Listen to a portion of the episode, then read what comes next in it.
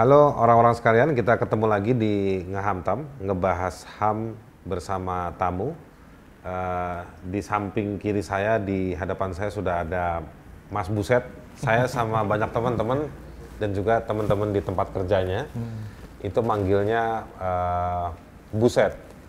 Uh, Budi Setiarso. Budi Setiarso. saya, saya selalu nggak yakin di bagian setnya itu yeah. Iya. uh, pernah manggil satu nama lain dimarahin sama dia. Salah yeah. nama namaku bukan itu. Langsung dikasih hak jawab ya? Dikasih hak jawab secara imajiner. Imajiner. Nah ini Mas Buset. Mas Buset ini uh, pimret pemimpin redaksi koran pemimpin Tempo. redaksi di Tempo. Koran Tempo. Di koran Tempo. Tempo itu ada tiga ingat ya? Yeah. ada majalah ada koran. koran ada tempo.co online. Ada tempo.co online, yeah, ada juga banyak kanal bisnis lain. Kanal bisnis yang Jadi lain. di Tempo itu banyak direktur. nah, ini yeah. Mas Buset ini uh, di koran Tempo. Mm. Uh, jadi kalau Anda suka baca link berita-berita dari Tempo, ini salah satu uh, bosnya. Tapi saya nggak atau tidak akan membahas soal uh, Tempo, dalam soal majalahnya, korannya atau .comnya, saya mau bicara soal uh, banyaknya jurnalis di Indonesia yang jadi korban. Saya tahu mungkin Anda merasa berhak untuk bicara, tapi karena saya susah dapat kontak Anda, jadi saya cari uh, Mas Buset aja. Hmm, oke. Okay. Karena juga kebetulan uh, yang terakhir kasus yang agak bukan agak tapi cukup mengerikan itu uh, terjadi ke Nur Hadi. Nur Hadi itu jurnalisnya jurnalis Tempo. Tempo di Surabaya. Jurnalis Tempo ya. di Surabaya, tapi saya nggak cerita nanti Mas Buset yang cerita. Tapi saya mau dapat dulu gambaran uh, dari Mas Buset. Sebetulnya jurnalis-jurnalis di Indonesia hari ini suasana hati dan pikirannya gimana sih? Oke. okay. Ya, terima kasih Aris. Ini terima kasih juga untuk mengambil alih pekerjaan saya sebagai jurnalis. Gitu kan. Karena mewawancarai saya saya. mau wawancarai jurnalis iya biasanya itu tugas saya tapi diambil oleh Haris. Tapi karena Haris yang mengundang ya saya tidak bisa menolak. Sekali-sekali mas. Kita tukeran tempat. Tidak tukeran tempat. Ya. oke jadi tentu saja saya tidak bisa mewakili semua jurnalis ya, ya. tapi kurang lebih gini kan situasinya adalah uh, ya terutama setelah teknologi informasi berkembang dengan pesat gitu dengan media sosial dan segala macam itu eh, informasinya sedemikian deras kan. Eh, sedemikian buahnya orang bisa dapat informasi untuk apa pun jenis informasinya. Nah sementara itu eh, jurnalis dengan bukan keterbatasan ya tapi dengan uh, segala batas-batas yang ketat gitu memang sering kali kurang cepat dalam mengimbangi kecepatan dunia media yeah. sosial. Katakanlah ada satu kejadian di eh, satu kota gitu, uh, pengguna media sosial bisa langsung mengabarkan, bisa langsung merekam, bisa bahkan langsung wawancara gitu ya. Tapi kadang-kadang jurnalis tidak bisa langsung menyampaikannya karena ada proses cross check, proses iya. uh, taat asas, taat asas harus ada cover booth gitu kan. Uh, proporsional di antara eh, pihak-pihak uh, yang terlibat dalam sebuah kejadian. Nah ini uh, problem ini memang teknik gitu ya teknis gitu. Tapi sebetulnya itu juga akan mempengaruhi uh, apa ya jurnalis jurnalisme secara keseluruhan gitu. Di banyak tempat karena sistem teknologi itu membuat jurnalis dikejar untuk mendapatkan klik okay. karena di situ hidupnya.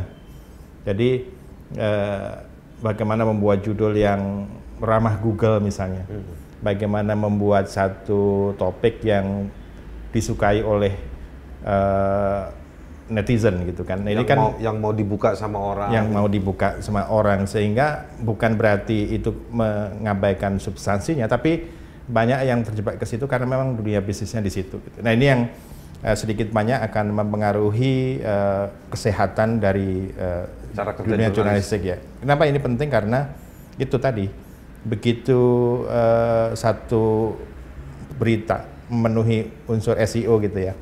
Nah itu maka kesempatan untuk diklik orang itu jadi lebih besar. Nah orang akhirnya kan belum malam pada situ. Iya, nah biasanya orang-orang kita itu lebih suka berita-berita yang ringan, yang yang uh, apa ya bahasa ininya julid gitu kan, iya. melihat satu persoalan itu dengan uh, ya renyah dan juga kadang-kadang gosip gitu kan. Misalnya ada kehidupan artis, kehidupan uh, orang-orang selebriti, kehidupan pribadinya gitu. Yang sebenarnya ini jauh dari kepentingan umum, dari kepentingan publik. Bukan masalah kepentingan bersama. Bukan ini. kepentingan bersama, tapi lebih memenuhi ke, keingintahuan orang yang memang kan kadang-kadang suka ya orang dengan kehidupan pribadi orang-orang terkenal gitu kan. Padahal di satu sisi nanti saya bisa cerita kita itu bisa memiliki satu data yang lengkap misalnya terhadap kehidupan pribadi orang, tokoh publik, pejabat. Tapi kalau kita melihat ini tidak eh, bukan kepentingan umum, kita nggak akan keluarin. Ya misalnya eh, ini ini okay. contoh nyata. Dulu pernah kita dapat eh, identitas, foto, alamat, semualah tentang orang empat orang yang diduga ini ya bahasanya simpenan lah gitu lah seorang okay. pejabat. Kita kemudian rapat di redaksi, kita bahas ini eh, memenuhi unsur publik nggak gitu. Nah, kita berdiskusi, kita putuskan itu tidak memenuhi unsur publik. Kenapa? Karena itu tidak ada penggunaan uang negara, tidak ada iya. eh, korupsinya, sehingga itu adalah hak private orang yang meskipun kalau kita buka itu pasti itu disukai orang, tapi akhirnya kita putuskan tidak, iya. tidak kita muat. Nah ini eh, jurnalistik jurnalisme sekarang mungkin sedikit banyak dipengaruhi oleh eh, tadi perkembangan teknologi gitu. Hmm. Eh, tetap saja memang ada beberapa bukan beberapa lah sebagian jurnalis yang kemudian tetap idealis gitu ya mengerjakan pekerjaan-pekerjaan yang eh, bahasa gagahnya ya bekerja dalam sunyi gitu ya dia mungkin tulisannya tidak disukai orang tidak viral. Tapi kekeh di situ. Tapi di situ karena di situ dia beranggapan ini ada unsur tidak hanya bisnis tapi unsur eh, idealisme. Hmm. Ya, kepentingan publik harus tetap dijaga, kepentingan bersama itu harus dipelihara eh, uh, gitu kan. Nah ini uh, saya tentu saya tidak bisa menyebutkan berapa persen yang seperti itu ya, tapi tetap ada lah gitu.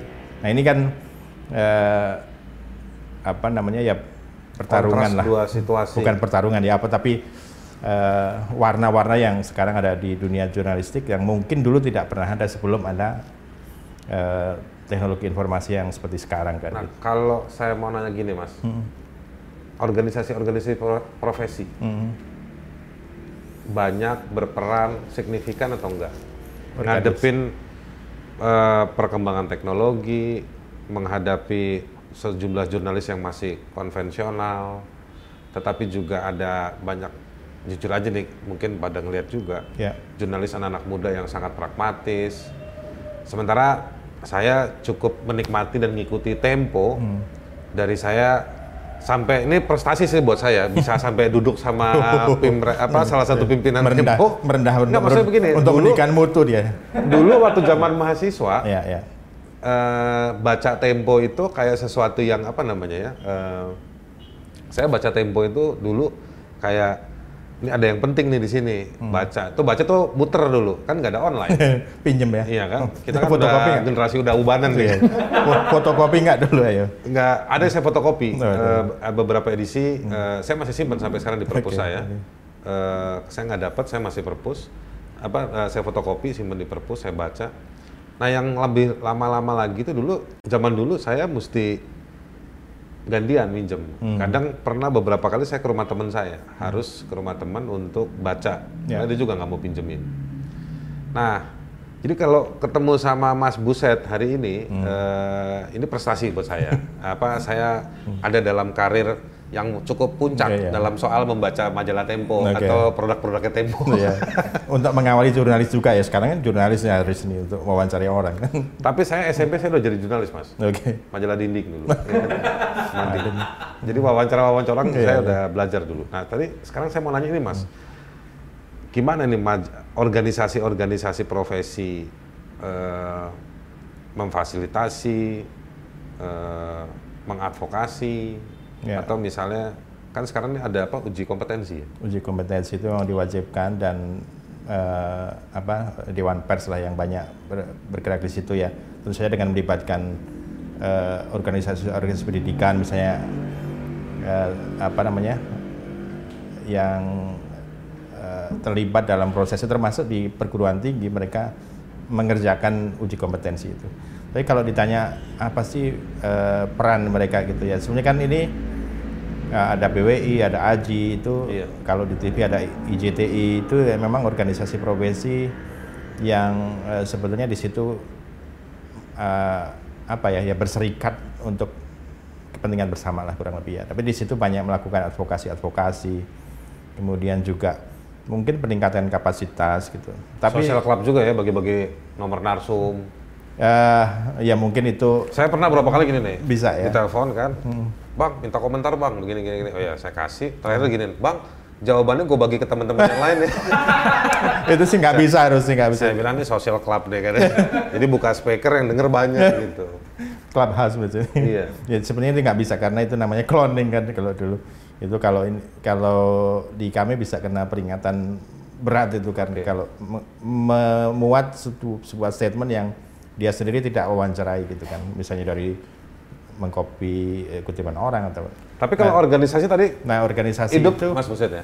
Ya organisasi itu advokasi. Tapi sebenarnya yang jauh lebih penting sebenarnya adalah di perusahaan-perusahaan. Karena di situ dia yang bertanggung jawab untuk misalnya meningkatkan kapasitas masing-masing orang dengan pelatihan-pelatihan dengan evaluasi itu artinya perusahaan si perusahaan masing-masing. Perusahaan, perusahaan. newsnya tadi? Iya tentu, tentu saja uh, organisasi profesi itu dia bisa uh, men, apa ya mendorong lebih cepat dalam peningkatan. Kan biasanya yang isu-isu di setiap hari uh, buruh gitu ya atau mungkin di hari pers kan selalu isu misalnya kesejahteraan jurnalis. Itu isu penting yang terus disuarakan oleh teman-teman di Aji misalnya. Tapi sebenarnya kalau dari dalam hal peningkatan kapasitas menurut saya itu adalah uh, lebih berat di, di menjadi bebannya dari perusahaan Kenapa? perusahaan berita tadi itu. Ya? Perusahaan berita karena di situlah mereka yang eh, apa ya, yang ber, yang bertanggung jawab kan di situ eh, jurnalisme itu kan sebenarnya bukan pekerjaan semata-mata pekerjaan ya. Di situ ada unsur eh, ya tadi saya sebut idealisme, ada unsur eh, tidak semata-mata bisnis lah. Kalau terutama di Tempo ya kita itu selalu concern pada masalah-masalah anti korupsi, hmm. pada masalah uh, kesetaraan, pada masalah hak asasi manusia. Ini kan nilai kan, bukan semata-mata bisnis gitu. Iya. Nah, uh, di situ tanggung jawab perusahaan untuk menanamkan ini kepada setiap jurnalisme termasuk dalam rekrutmen, ter termasuk dalam uh, menyeleksi orang ketika mereka harus mendapatkan jurnalis. Tentu saja tidak semata-mata konten, tapi juga jurnalis yang bisa menyesuaikan zaman dan sekarang digital. Bagaimana kita bisa menampilkan karya jurnalistik yang tidak berkurang kedalamannya tapi tetap bisa dinikmati oleh audiens yang berbeda kan. Dulu zamannya Haris pakai cetak sambil tiduran gitu. Iya. Sekarang udah satu Apa? tangan gitu kan. Kita iya. bisa buka semua media dari satu tangan. Ini kan kita bisa harus menyesuaikan. Tapi eh, core-nya, core kompetensi jurnalismenya itu mesti harus menjadi tanggung jawab perusahaan gitu. Nah, di sini kadang-kadang banyak yang mungkin tidak bisa menginvestasikan untuk katakanlah ya, pelatihan gitu. Nah di Tempo ada satu jenjang yang harus dilewati oleh setiap jurnalis sebelum sampai ke level tertentu. Misalnya uh, ya kalau pemret kan cuma satu ya, tapi ada namanya redaktur pelaksana. Itu redaktur pelaksana itu dia bertanggung jawab pada kompartemennya, misalnya kompartemen nasional. Nah untuk menuju ke situ itu ada proses jenjangnya gitu, uh, ada pelatihannya. Setiap minggu itu ada apa namanya ada semacam evaluasi termasuk saya. Hmm. Kalau saya habis nulis, saya dievaluasi tulisan saya itu. Nggak boleh marah. Oke mas. Uh, Sekarang gini nih, uh. dari semua tadi sore saya potong, uh. dari semua tadi uh, yang Mas Buset jelaskan, saya mau lihat sekarang se uh. apa namanya? Saya lihat beberapa teman jurnalis yeah. dilaporkan ITE uh. di Madura, pencemaran nama baik. Yeah di beberapa tempat uh, diancam. Yeah. Ya. Uh, jurnalis Tempo yeah. kemarin diculik, digebukin dan lain-lain. Nah dari semua tadi yang Mas Buset gambarkan sebetulnya uh, Mas Buset saya agak personal nanyanya happy nggak ngeliat peran jurnalis kalau saya sih happy lihat jurnalis hmm. di Indonesia tumbuh subur dulu saya nyari kontak per provinsi. Sekarang ya. udah per kabupaten ada jurnalis. Ya, ya. Ya tentu ini uh, satu hal yang memang tidak bisa dihindari. Kenapa? Karena nggak seperti di, nggak bisa kita bayangkan lah zaman Orde Baru gitu ya. Aris dulu umur berapa tuh zaman Orde Baru 98 kan? Masih lagi lucu-lucunya. Lagi lucu-lucunya. Tapi kita udah bisa membayangkan bagaimana dulu eh, apa sumber berita itu terkontrol di tempat-tempat yang terbatas gitu. Nah sekarang orang udah bisa berperan dalam uh, mengontrol apa namanya publik, eh mengontrol apa namanya ya, ya kehidupan bernegara lah ya. Kan semakin banyak yang uh, mengawasi mestinya secara teori itu mestinya lebih baik kan iya. untuk kehidupan bernegara. Iya. Nah memang PR-nya adalah bagaimana setiap jurnalis itu bisa uh, selain memegang kode etik yang itu adalah pedoman kita bersama dalam bekerja dalam bertindak gitu ya itu ini sebenarnya bukan membatasi tapi memastikan kita itu eh, menjalankan profesi ini dengan benar gitu ya. Nah, mematuhi kode etik jurnalistik itu pasti itu tapi juga e, meningkatkan kompetensi kompetensi terhadap pemahaman masalah, hmm. terhadap e, pengemasan beritanya sendiri gitu ya. Misalnya kalau jurnalisme tulis ya dia harus paham benar e, bahasa yang e, sesuai dengan kaidah bahasa Indonesia, tapi juga bahasa diksi yang katakanlah tidak membakar atau tidak mengadu domba gitu. Nah sering kali kan itu e, mungkin belum merata ya. I, ini satu hal yang yang logis ya di semua tempat nggak mungkin merata. Tapi bagaimana kita bersama-sama meningkatkan kapasitas itu e, ya kalau bisa di semua level itu ya e, gapnya nggak terlalu jauh lah ya. Ini mudah-mudahan itu uh, dikerjakan PR itu gitu untuk selalu meningkatkan kapasitas. Tapi itu. berkembang nggak menurut menurut Mas Buset dalam hal para jurnalis di Indonesia selama ini? Sekarang, uh, sekarang saya kadang-kadang ketemu teman yang seumuran saya, ya.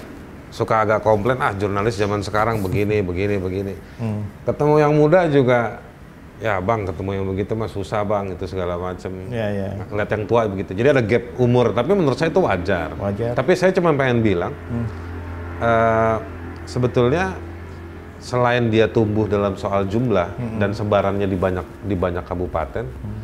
tapi sebetulnya kontributif nggak untuk membangun, untuk mengatakan yang sering orang bilang pers itu adalah pilar keempat demokrasi. Hmm. Nah, udah sampai ke situ belum kita? Uh, Apa makin hidup nggak di situ? Uh, ya mungkin itu teorinya begitu kan pers adalah uh, pilar keempat demokrasi selain legislatif, pemerintah, yudikatif itu.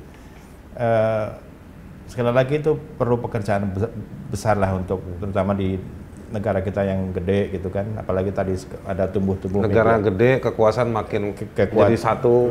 masih mengerucut gitu kan. Ini udah mulai masuk ke topik-topiknya tempo ini. Tapi tapi eh, raja-raja kecilnya juga banyak di, banyak. di daerah kan yang itu juga mesti harus dikontrol gitu Nah ini fungsi media kan ini sedikit refresh ya. Media itu kan kontrol, edukatif, untuk hiburan juga. Nah tiga-tiganya itu kan harus dipenuhi iya. uh, meskipun kalau mestinya yang diutamakan ya fungsi kontrolnya karena di situ kalau tadi cita-citanya menjadi pilar keempat gitu kan. Nah balik lagi tetap kalau uh, perusahaannya itu bertanggung jawab itu mestinya uh, dia mengerjakan pekerjaan tadi untuk meningkatkan kapasitas jurnalisme, hmm. jur, jurnalistik, jurnalisnya maksud saya. Nah itu eh, kalau sekarang mungkin karena memang tidak semua eh, apa kata kantor media di berbagai tempat itu cukup kuat gitu ya, makanya perlu kolaborasi gitu. Hmm. Misalnya mereka mendirikan satu entitas di daerah, maka mereka akan ber, berkolaborasi dengan pers yang sudah lebih kuat. Misalnya Tempo bekerja sama dengan uh, Jubi misalnya di Papua, kemudian di beberapa tempat itu yang saling bertukar informasi, tapi di situ juga ada unsur untuk eh, pengembangan uh, kapasitas masing-masing kan. Yeah, Jubi yeah. beberapa kali juga ikut dalam program investigasi bersama Tempo, yeah. itu kita latih jurnalisnya juga untuk ya dengan pengalaman-pengalaman Tempo saya kira mudah-mudahan itu juga bisa meningkatkan pengalaman mereka juga. Okay. Jubi ini kan penting juga di Papua kan. Mas, sekarang saya mau nanya gini, Mas. Yeah. Soal nggak tahu, Mas Buset, kalau saya lihat uh, produknya koran Tempo tiap hari, itu kan cukup cukup tegas dan keras uh, untuk ngawal isu-isu hukum dan politik. Mm -hmm. Nah, tapi saya nggak mau bahas soal produknya Tempo lah ya, yang headline-headline tiap hari. Tapi saya mau mau bilang, Mas Buset merasa gimana sih situasi hukum dan politik kita hari ini dari dari temuan-temuan Tempo itu. Oke. Okay. Dan nanti saya pengen gini, apa tantangannya buat jurnalis hari ini? Oke. Okay.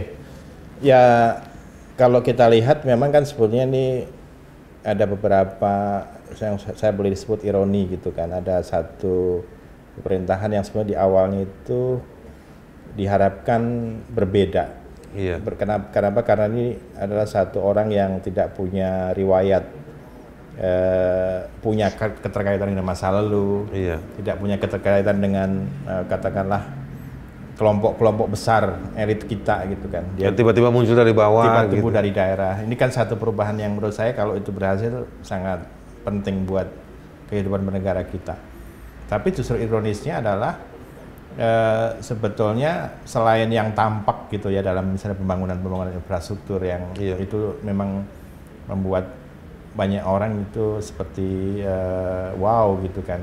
Tapi mungkin yang perlu dilihat sebenarnya di baliknya itu ada apa? Apakah ini pembangunan yang betul-betul satu hal yang dipunya visi jangka panjang atau sekedar proyek yang di ya dibuat aja tanpa perencanaan uh, spontan gitu kan.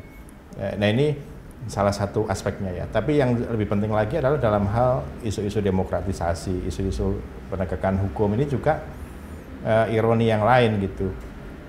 Ya ambil contoh yang di paling penting buat saya adalah undang-undang KPK ya. Di situ hmm. uh, 2019 ya. 2019 yang memang kampanyenya adalah ini untuk menguatkan Eh, KPK, terutama dalam hal pencegahannya gitu kan.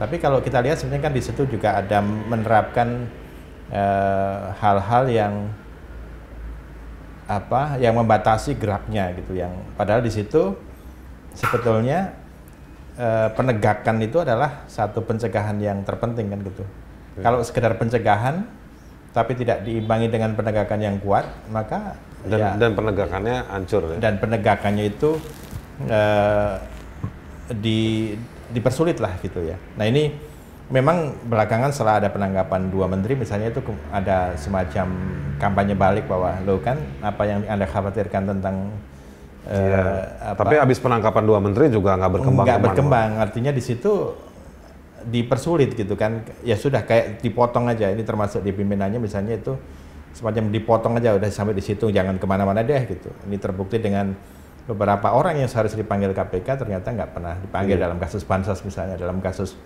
korupsi benur juga. Gitu. Nah ini eh, yang ingin saya katakan adalah revisi undang-undang KPK itu adalah satu hal yang betul-betul menjadi ironi gitu. Patokan tuh ya, patokan bahwa ini ironi ada setback ya. Setback dalam hal pemberantasan korupsi. Nah, di situ kan juga ada penabrakan-penabrakan penabrakan uh, satu prosedur yang diatur oleh uh, eh, DPR dan pemerintah sendiri kan ada undang-undang yeah. tentang